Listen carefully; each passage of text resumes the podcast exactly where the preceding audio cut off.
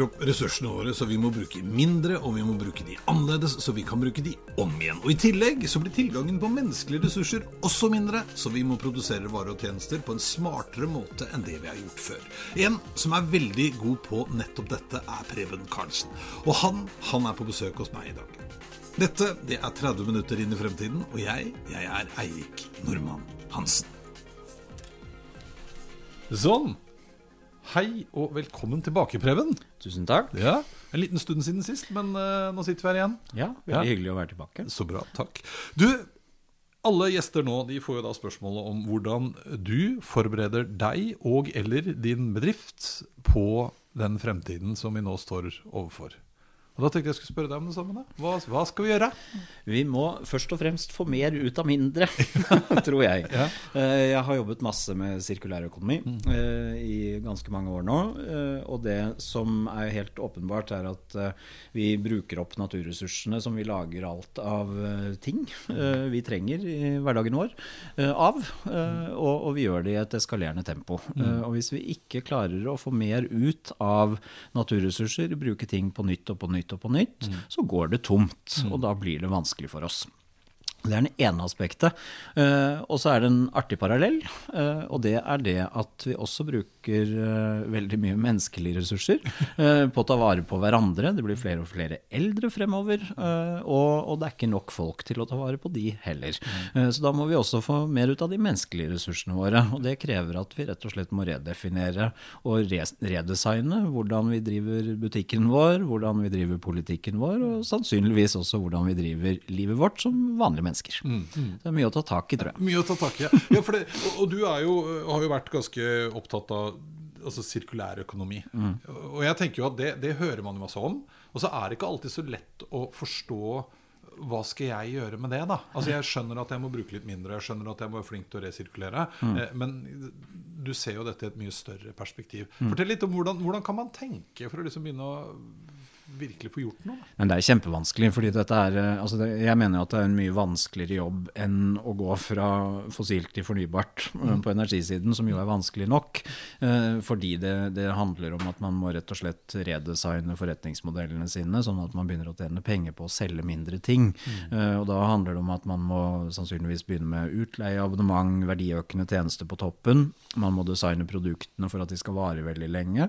Man må bygge opp verdikjeder som gjør at man kan kan, reparere effektivt eh, og, og levere vedlikehold effektivt.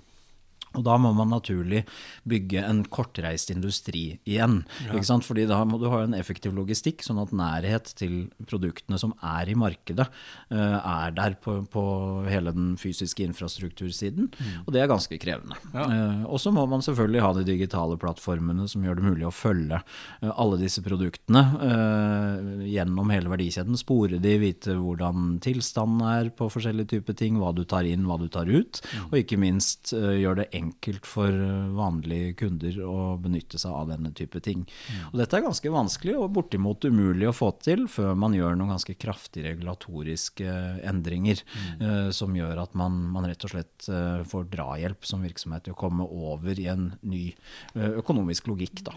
Ja, fordi akkurat den økonomiske logikken, for det har jeg også lest et sted, at en av de store skiftene som vi står overfor, er nettopp den transformasjonen. Da, fra mm. å, å, være veldig sånn Jeg produserer denne tingen som jeg selger, til nå å også måtte etablere en eller annen form for plattform. Mm. Som jeg tenkte vi mm. skulle snakke litt om. Mm. Hva er denne plattformen? Mm. Eh, som både kanskje verdiforøker det produktet jeg hadde, men også gjør det i stand til å være mer eh, bærekraftig. Mm. Eh, I liksom ordets videste forstand. Ja, ja.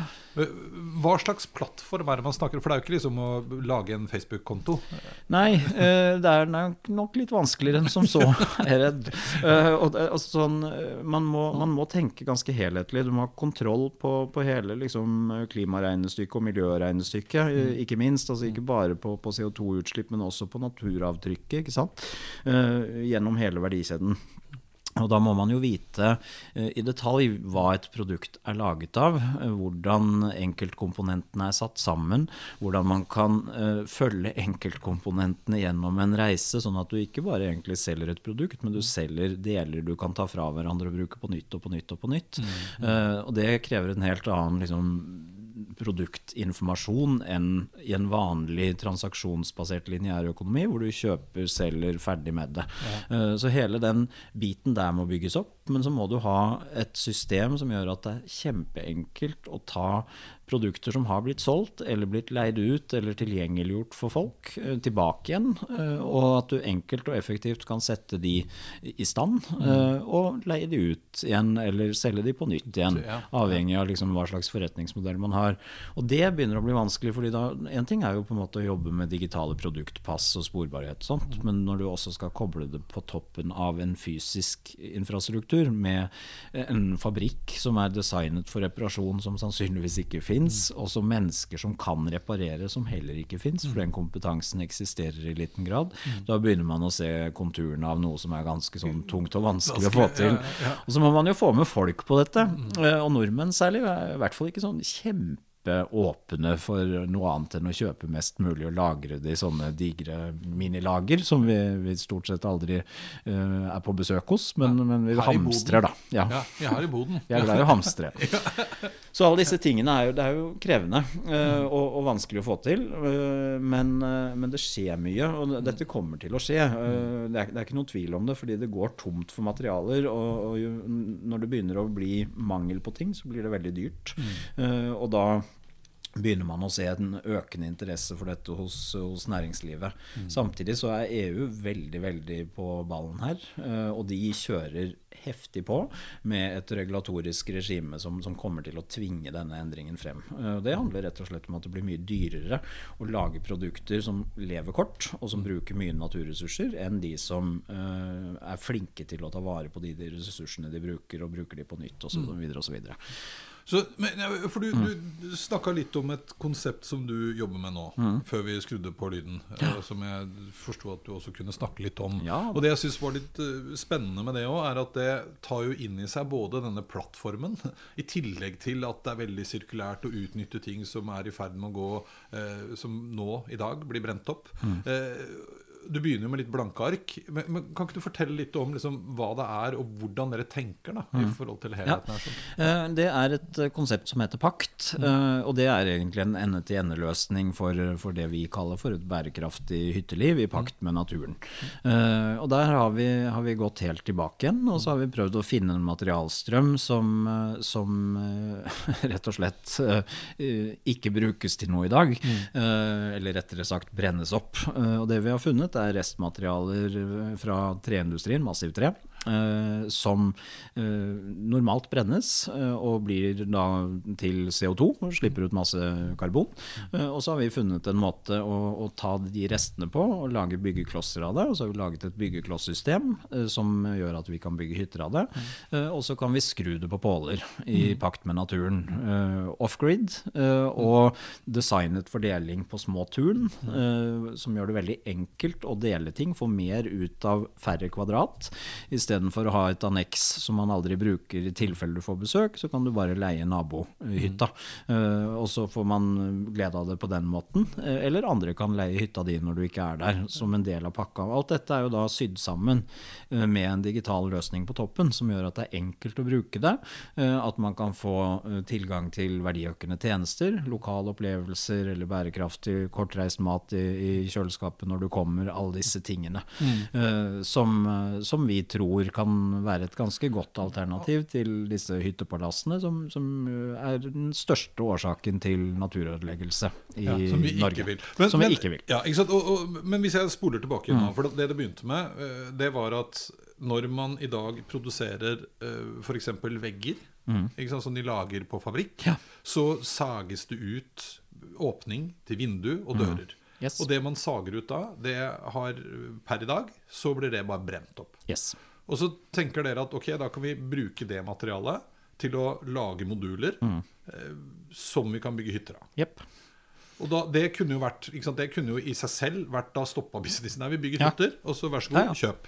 Og så i tillegg så bygger dere nå en plattform som gjør at dere har funnet et tun eh, for å gjøre minst mulig innhugg i, i naturen. Mm. Så står hyttene på påler, det graves ikke ut dype kjellere og svære grunnmurer og sånn. Veldig, veldig lite avtrykk.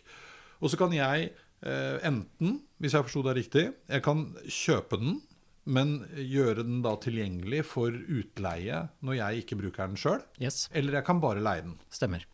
Og i tillegg til det så bygger man da òg en plattform som gjør at jeg da kan krysse av for Nå er jeg på vei til hytta, keen på at det skal stå sånn mat i kjøleskapet, trenger et par ski, eh, Ja. slik og sånn. Yes. Og så er det klart når jeg kommer opp, så jeg har med toalettmappe og skift.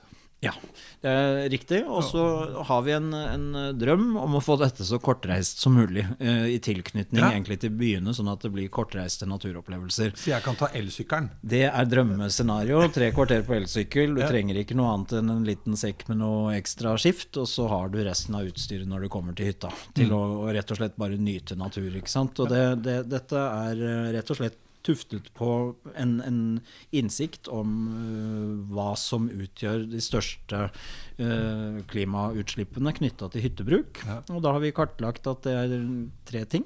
Eh, og det ene er eh, rett og slett oppføringen av hytter.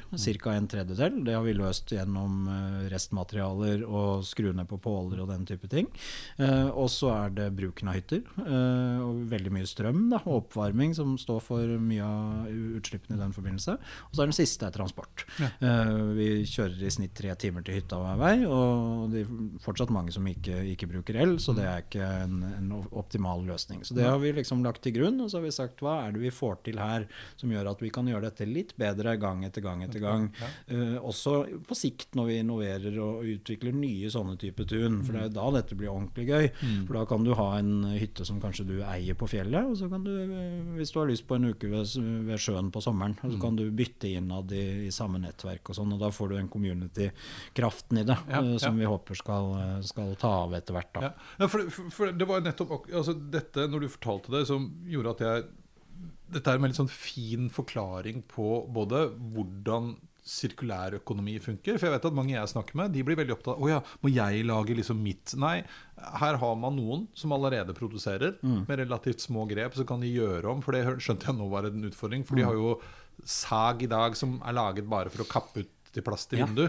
Med litt justeringer så Yes. får de nesten ut ferdige moduler. Eh, så man hjelper de med deres avtrykk. Eh, og dere gjenbruker. Ja. Og jeg vil jo også tippe på at hvis man da plutselig finner ut at man skal bygge på, så er det relativt enkelt, i den grad det er lov og kan. Ja. Eller ned. Ja, ja. Og, ja, men det er jo det som er hele, hele tenkningen med å jobbe på den måten med systemisk innovasjon, som det jo tross alt er. At det, du gjør sjelden hele greia selv, men du samarbeider med ulike aktører i en verdikjede. Og så, og så gir du de heller data og informasjon tilbake om hva de må forbedre på. For at de skal kunne levere bedre på klima- og natursiden enn en, uh, hva de kanskje gjør i dag. Da. Ja. Og, og så er vi jo veldig opptatt av at vi, vi skal prøve å få til dette samtidig som vi leverer en veldig god opplevelse til eh, kundene våre. Eh, hvis ikke så tror vi ikke vi blir konkurransedyktige. Eh, så, så det er jo en kjempevanskelig øvelse eh, i så måte. Men så må vi jo da få med ikke sant? Altså kundene, de som kjøper dette på, at de ikke skal sitte og eie denne hytta og ha den helt for seg selv. For det er det som man gjør i dag. Altså Alle som har kjøpt en hytte i dag, veldig mange av de i hvert fall, har kjøpt den som sitt eget. Dette er mitt, det er min familie, jeg vil ikke ha andre inn der. og Derfor så bruker man i snitt en hytte 50 døgn i løpet av et år. Resten står den tomt. Ja. Det er helt fullstendig meningsløs uh, ressursutnyttelse. Og da må man endre mindsettet, og så må man snakke med da kanskje dette litt yngre segmentet, som vi tror er våre kunder, eh, til å være med på en sånn Ok, dette gjør vi pga. at det er en del utfordringer knytta til klima og miljø. Eh, Pga. at det er smart for din private økonomi at andre bruker hytta når du ikke er der. Og så designer vi det eh, for at det skal være utgangspunkt fra start. Det betyr at vi kan ha en vaktmester som kan gå og ta ned familiebildene dine når det er leid ut, og så kan vi ta det opp igjen etterpå ja. når du kommer tilbake. Og så trenger du ikke å være bekymra for at noen har fått innblikk i dine indre gemakker. Var ikke, var ikke, nå kommer jeg på, dette her lurer jeg på, Var ikke det noe sånn Choice eller noe sånt som hadde en idé om det en gang? At du, altså De skulle ha digitale rammer, da, selvfølgelig. Så når jeg kom på hotell, så kunne jeg liksom få det med mine bilder. Med bestemor på, Med på veggen. bestemor og barna og alt. Det var vært fint. Ja, jeg kanskje tenker at hotell ville jeg ikke hatt det på. Nei, nei, det er noe med det. det, er noe med det. Nei, men, du, men og, og, fordi at Det siste du snakker om nå også, det er jo en stor utfordring. fordi det er vel noe av dette altså, eh, Det er liksom litt i den der norske kulturarven, nærmest, at uh, hytte skal vi eie. og Gjerne en på fjellet og en ved sjøen. Eh, mens det nå å gi litt slipp på det og tenke annerledes Men føler du, er, man, er, det, er liksom en generasjon der som er annerledes, eller er det noe vi håper på mer? Jeg tror nok det er noe vi kanskje håper på mer enn at man kan si at dette har vi valide data på. Ja, eh, men, men jeg tror jo at altså de som ikke er satt ennå, mm. hvis de bare får muligheten altså Hvis man klarer å gi de, de, alternativene, så er jeg ganske sikker på at det er mange som ønsker seg det. Mm. Uh, men, men uh, også fordi det er, det er, åpenbart at det er flere og flere av de som vokser opp nå, som, som, som skjønner at klima- og miljøkrisa, det, det, angår de. Altså, de kommer til å merke det når de blir voksne. Ja. Det er ikke sånn som for oss, at vi er døde når det virkelig begynner å, å treffe. Mm. For våre barn de kommer til å få det vanskeligere pga. at uh, vi bl.a. Har, har levd eh, på en måte som ikke er bærekraftig. Uansvarlig. Eh, ja, rett og slett uansvarlig. Og da må man ta mer ansvar. Men, men, og det gjelder jo da eh, for politikerne, som bør gjøre alt de kan for å regulere dette hardt. Mm. Sånn at du får fart på skiftet.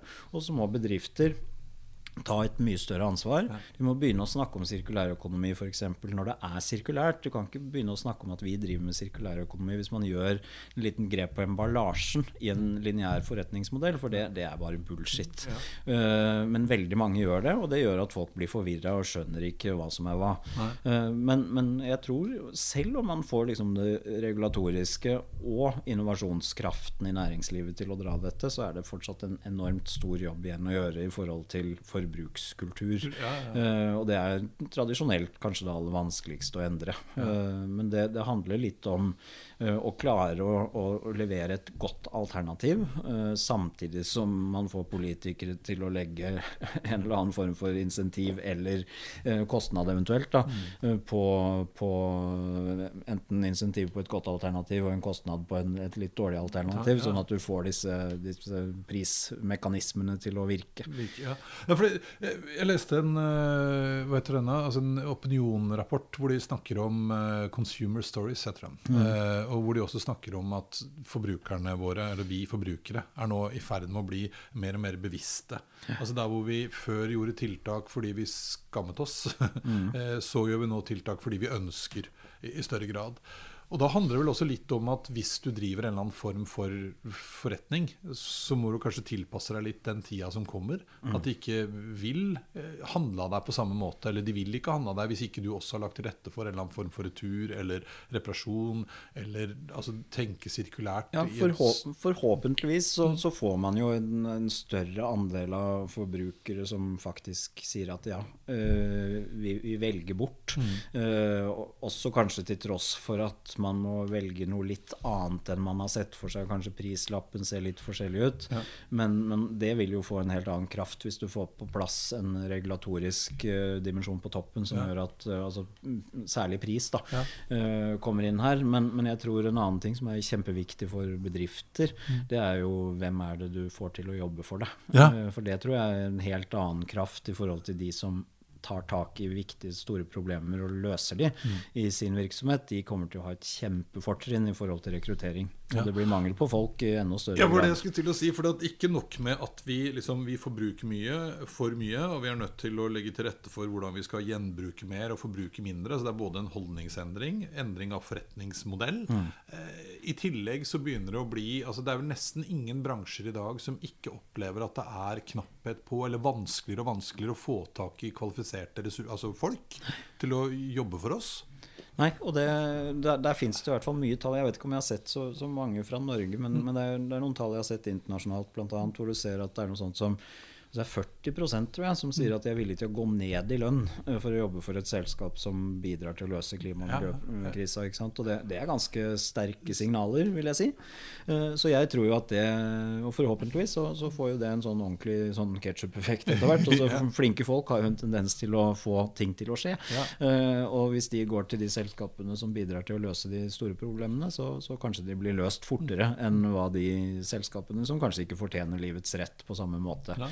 Eh, men, men, hvis man nå sitter der med et lite selskap da, og holder på med sitt og, altså, Hvordan skal man liksom, som ikke kan, som du, da, mm. begynne liksom med blanke ark? For det har jo sine fordeler, det òg. Ja, det, det, kan du si, men det er rimelig tøft, det å Ja, det vet jeg. Ja, Amerika det ikke er tøft. Ja. Men det er noe med at du skal designe. Altså Ja, Det er noe med å både designe og endre. Men altså, hvordan skal man begynne? Har du noen forslag til hvordan man liksom kan begynne å forberede seg nå på å komme i gang? da? Det er kjempekrevende. Jeg, jeg hadde en samtale med en eh, klok dame som heter Ingrid Liland, og er nestleder i MDG, uh, i forrige uke. Eh, og hun dro en veldig kul parallell eh, i forhold til altså, hele dette grønne skiftet og hva det egentlig innebærer uh, opp imot digitalisering. Eh, sånn generasjon 1-digitalisering, når man på en måte gikk fra papir til å putte det inn i en eh, skjerm av noe Ja, slag. ja. Eh, og så var man ferdig. ikke sant? Altså det ble en PDF istedenfor et papirark, og så var det digitalisert. Og så kunne man fortsette som før. Det er liksom den samme tenkningen mange har tenkt, at du skal gå fra fossil, fossil til fornybart, og så er det bare å fortsette som før.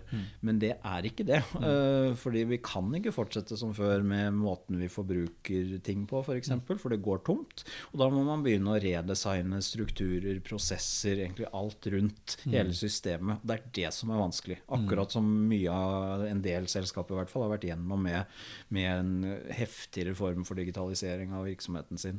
Dette blir vanskeligere igjen, eh, men eh, det er mye av den samme tenkningen man må inn i. Altså man, må, man må rett og slett skjønne at kanskje dette ikke engang passer i kjernevirksomheten vår. Kanskje vi skal gjøre det litt på utsiden, eh, som jo flere har, har begynt å, å få øynene opp for. At man kan drive en sånn form for randsoneinnovasjon. Du kan investere i startup som gjør det for deg, eller du kan sette opp egne ting på utsiden som går i en sirkulær retning, og kanskje du kan begynne å håndtere f.eks. neste bruksloop av produkter du selger i en lineær bedrift, at det kan håndteres på utsiden. Eh, og så kan du uh, i større grad la den leve sitt eget liv, og tilpasse kjernevirksomheten din som en produktleverandør inn der. Ja. For eksempel. Men For dette er eksempel, ikke ja. lett. Nei, nei, nei. nei jeg, jeg tenker også på litt sånn som du altså Dere plasserer dere jo inn i en verdikjede som fins. Mm. Og så ser man at her fins det noe materiale Mm. som er til overs, som vi kan utnytte. Eh, dere er jo på en måte med på å bidra til å gjøre den prosessen mer eh, sirkulær. Da. Mm. Eh, er det liksom veien å gå? At man kanskje skal titte litt mer på de man jobber med? Altså Ja. min plass i kjeden. Hvordan kan vi bidra? Ja, jeg tror det er kjempeviktig poeng. Altså Samarbeidskompetanse blir vesentlig i en sirkulær økonomi. For det handler om egentlig altså nesten uavhengig av om du er i en samme bransje, til og med. ikke sant? Eh, fordi materialene de flyter jo på kryss og tvers de av eh, bransjegrenser og alt mulig. Og, og hvis man klarer å finne effektive måter å sørge for at de materialene brukes og, og gjenbrukes og gjenbrukes og gjenbrukes, så har man en, en kjempemulighet til å, å skape ny og spennende forretning. Eh, men det krever jo at man får til disse samarbeidene, at du klarer å etablere tillitsfulle partnerskap hvor du deler data, du, du investerer sammen. ikke sant? Det har vi jo ikke sånn kjempegod tradisjon for, eh, kanskje i hvert fall ikke her til, til lands, men jeg tror ikke så mange andre steder heller, egentlig. Eh, I hvert fall er min, min erfaring det er så fort du begynner å skulle snakke om at man skal dele data åpent og sånn, så begynner man å bli litt sånn rynke på nesa og jeg er ikke så sikker på om dette er en god idé likevel.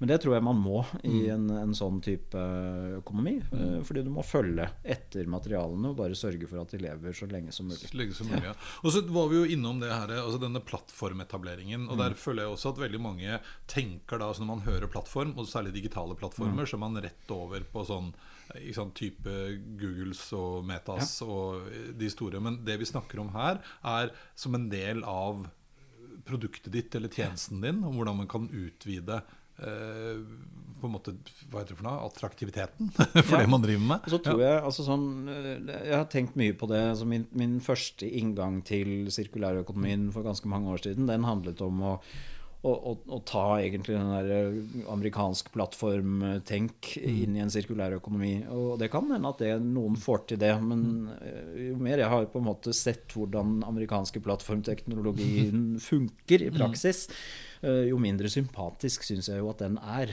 Mm. Den suger jo ut eh, stort sett all verdi av veldig mange små aktører, eh, og så sitter det noen igjen og blir styrtrike på det. Jeg tror at en sirkulær økonomi er helt avhengig av en mye mer rettferdig fordelingsmodell, der hvor du har masse små aktører som jobber sammen, men klarer å skape en, en eh, plattformsløsning som, som gir mye av de samme effektene i forhold til å, å drive effektivt og få fart på prosessen og sånt. For det er dødsviktig. Eh, sånn som mye av dette funker i dag, så er det veldig veldig manuelle prosesser, og da har man ikke kjangs til å konkurrere med en strømlinjeforma lineær prosess som, som begynner i Kina og ender i søppelbøtta. Nei, nei. det var bra sagt. Jo, men og Du sa det også, eh, det var kanskje før jeg trykka på play, altså det hjelper ikke. Vi står overfor en del utfordringer nå hvor det ikke Vi kan ikke bare kaste mer penger på, vi kan ikke bare kaste mer ressurser på, eh, fordi at ressursene har vi ikke. Vi kan ikke kaste mer teknologi på, for det, det handler om eh, større endringer som må til. Og det er interessant. Altså, jeg jeg syns jeg var i en, en eh, debatt eh, før jul eh, hvor det var en, en eh, forsker fra Cicero eh, inne. Og, og han brukte elbil som et eksempel på, på hvorfor man ikke bare kan egentlig ta teknologi og putte på et problem og så tenke at det løser seg. Og og, det, det går rett inn i, i mangel på, på ressurser, mangel på mineraler til å lage batterier, først og fremst. Hvor han sa at bare forretningsplanene til Tesla Det fins ikke per i dag nok kjente mineralforekomster til at det kan kunne realiseres. Uh, og det er jo en del andre som prøver å lage elbiler enn Tesla her òg, men, men da, da er det jo sånn Hvis dette er kjent informasjon, eh, hvorfor gjør man ikke noe med dette litt tidligere, også politisk. ikke sant? Uh, Istedenfor å bare lukke øynene for det og så si at vi kjører elbil for alle penga, når man vet at uh, taket ligger der ganske sånn uh, hardt.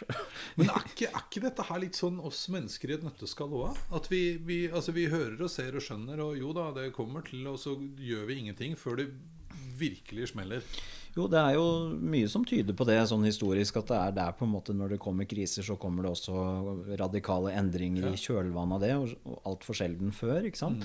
Eh, men det er jo innmari synd, da. Mm. I hvert fall med en del av de tingene vi, vi nå står i, for det er en annen type krise enn en pandemi, f.eks. Dette er irreversible ting. Vi får ikke skrudd det tilbake.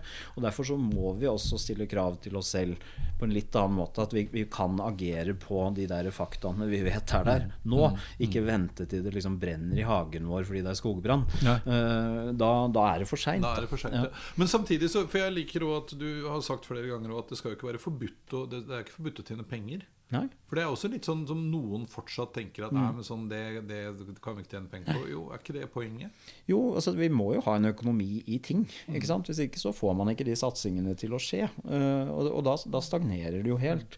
Eh, men det må, må på en måte utvikle noen andre måter å gjøre det på uh, enn hva vi er vant til i dag. Og, det, det er kanskje det aller vanskeligste. Fordi jeg tror ikke det er noe vei utenom en, en, en mindre vekst i forbruk. Og snakk med Finansdepartementet om at vi skal ha ned forbruket vårt, og så, så, så blir du kasta på dør, ganske sikkert. Uh, det er ingen som har svar på hvordan man skal designe for en nedvekst i økonomien. Men i en sirkulær økonomi så ligger det helt implisitt at du skal selge mindre produkter. Men du skal skape mer verdi per produkt fordi du skal holde de i live over lang tid. Og da kan du få en større lønnsomhet, men lavere topplinje. Og det der uh, er en krevende affære uh, for alle børsnoterte selskaper, Ja, f.eks. jeg lærte ikke det på BI, i hvert fall. Nei. Det er ganske sikker det på. tror jeg ikke det er så mange som har lært, men jeg tror det er helt nødvendig å få det til. Uh, og at man, man rett og slett må gå inn i det på en helt, helt annen måte for å, å løse større problemer enn en det som handler om økonomi etter hvert. Ja. Eh, men det er veldig krevende hvis du da er avhengig av politikere som skal vinne et valg. Mm. så får du det ikke til å snakke om det. Nei. aldri gjort. Nei, trenger vi Kanskje vi ikke skal ha politikere? Skal vi prøve uten? Jeg tror ikke det er noe særlig enkelt heller. Jeg er helt overbevist om at vi trenger kjempegode politikere. Vi trenger modige politikere. Ja. Helt uavhengig av på en måte politisk ståsted, så, så syns jeg det MDG har gjort i Oslo med bilfri by, er et eksempel på en type politikk vi trenger mer av. Hvor de har fått så sinnssykt mye pepper for mye av det de har gjort. Men det har de ikke brydd seg om, fordi de har sagt dette er riktig for byen, og så har de gjort det. Eh, og så begynner å virke, og så blir folk ganske happy med det, og så velger de det jammen meg på nytt igjen. Ja, ja. Det er et eksempel på hvordan det går an å ta litt tøffere og litt modigere valg enn kanskje en del av dagens politikere. Så, ja. ja, for det er noe med det òg. Og det er vel kanskje noe med altså, historikken, uten at vi skal ta noe sånn voldsomt politisk eh, side, men, men alt har liksom fram til nå handlet om vekst Mm. og utvikling. Eh, og alt har liksom gått stort sett ganske fint og flott Ja. før det plutselig, selv om man kanskje etter hvert begynte å ane at det var noe skyer Mm. borti horisonten der. Men jeg så, apropos plattformer, som vi kanskje også innimellom er sunt skeptiske til, men det var liksom apropos hvor forbanna folk var på at alle parkeringsplassene forsvant, og det ble ikke lov å kjøre i byen. Ja. jeg kjenner en som eh, Da en litt sånn selvransakelse fra han. da eh, Hadde vært ute og ranta litt på Facebook om hvor det var jo bare tull. Dette her. Ja. Og så et par dager etter den ranten så fikk han en sånn tiårs Du vet du får på Facebook sånn minne for ti år Ja. siden, hvor han hadde postet at det er helt umulig å gå rundt i Oslo sentrum, det er biler overalt. Ja, det var ganske Så- gøy. Så det har kanskje noe med eh, tid og sted Ja, det har nok det. Og så tror jeg jo at sånn eh, Det er en eller annen eh, interessant sånn eh, Jeg vet ikke hva det er, en genfeil hos oss. Altså at vi, vi er så programmert i at sånn som det er i dag, det er sånn det må være. Du må ta utgangspunkt i dette. Hvis jeg driver en butikk som har inntekt fra biler, eh, og, og publikum som kommer med bil, eller kunder som kommer med bil, eh, så uh, går det gærent Ja. hvis de bilene blir borte. Borte. Men så viser jo dataene motsatt effekt rundt omkring i byen her. at det faktisk blir mer omsetning på butikker der hvor de tar vekk bilene, fordi folk er der og bruker mer tid Ja, ja. i området rundt. Det, det ser man jo i nye områder hvor de samme debattene kommer opp. Så er den der rullegardina ned. Man hører ikke på dataene. Og det er litt det samme. altså Som du sier, at Vekst har vært en, en faktor, eh, og utvikling har vært en faktor. Og utvikling skal vi fortsette med, men vi må bare vri om hva er utvikling. Det er ingen lykkeforskning for eksempel, som har en én-til-én mellom materiell vekst og livskvalitet. Eh, og det tror jeg er en sånn grunnleggende ting vi burde fokusere mer på, da. Ja. Nå kom jeg akkurat på, og som jeg føler passer veldig bra å avslutte dette med, at jeg kom over et eh, blåste liv av et gammelt sitat. Som jeg brukte eh, en del før, fra en eh, kanadisk-amerikansk økonom fra back in the day, en som het John Kenneth Galbright. Jeg lurer på om han kanskje fikk Nobel Jeg skal ikke ta gift på det. Men han sa det sånn som, og dette er mange år siden, at når man står overfor valget mellom å endre sin oppfatning eller å bevise hvorfor det ikke er nødvendig å endre seg, blir nesten alle travelt opptatt med å finne bevis på hvorfor man ikke skal endre seg. Og det er kanskje det vi trenger å tenke litt gjennom. Eh, klokt sagt. Ja, tusen hjertelig takk for besøket, Prøven. Takk for at jeg fikk komme.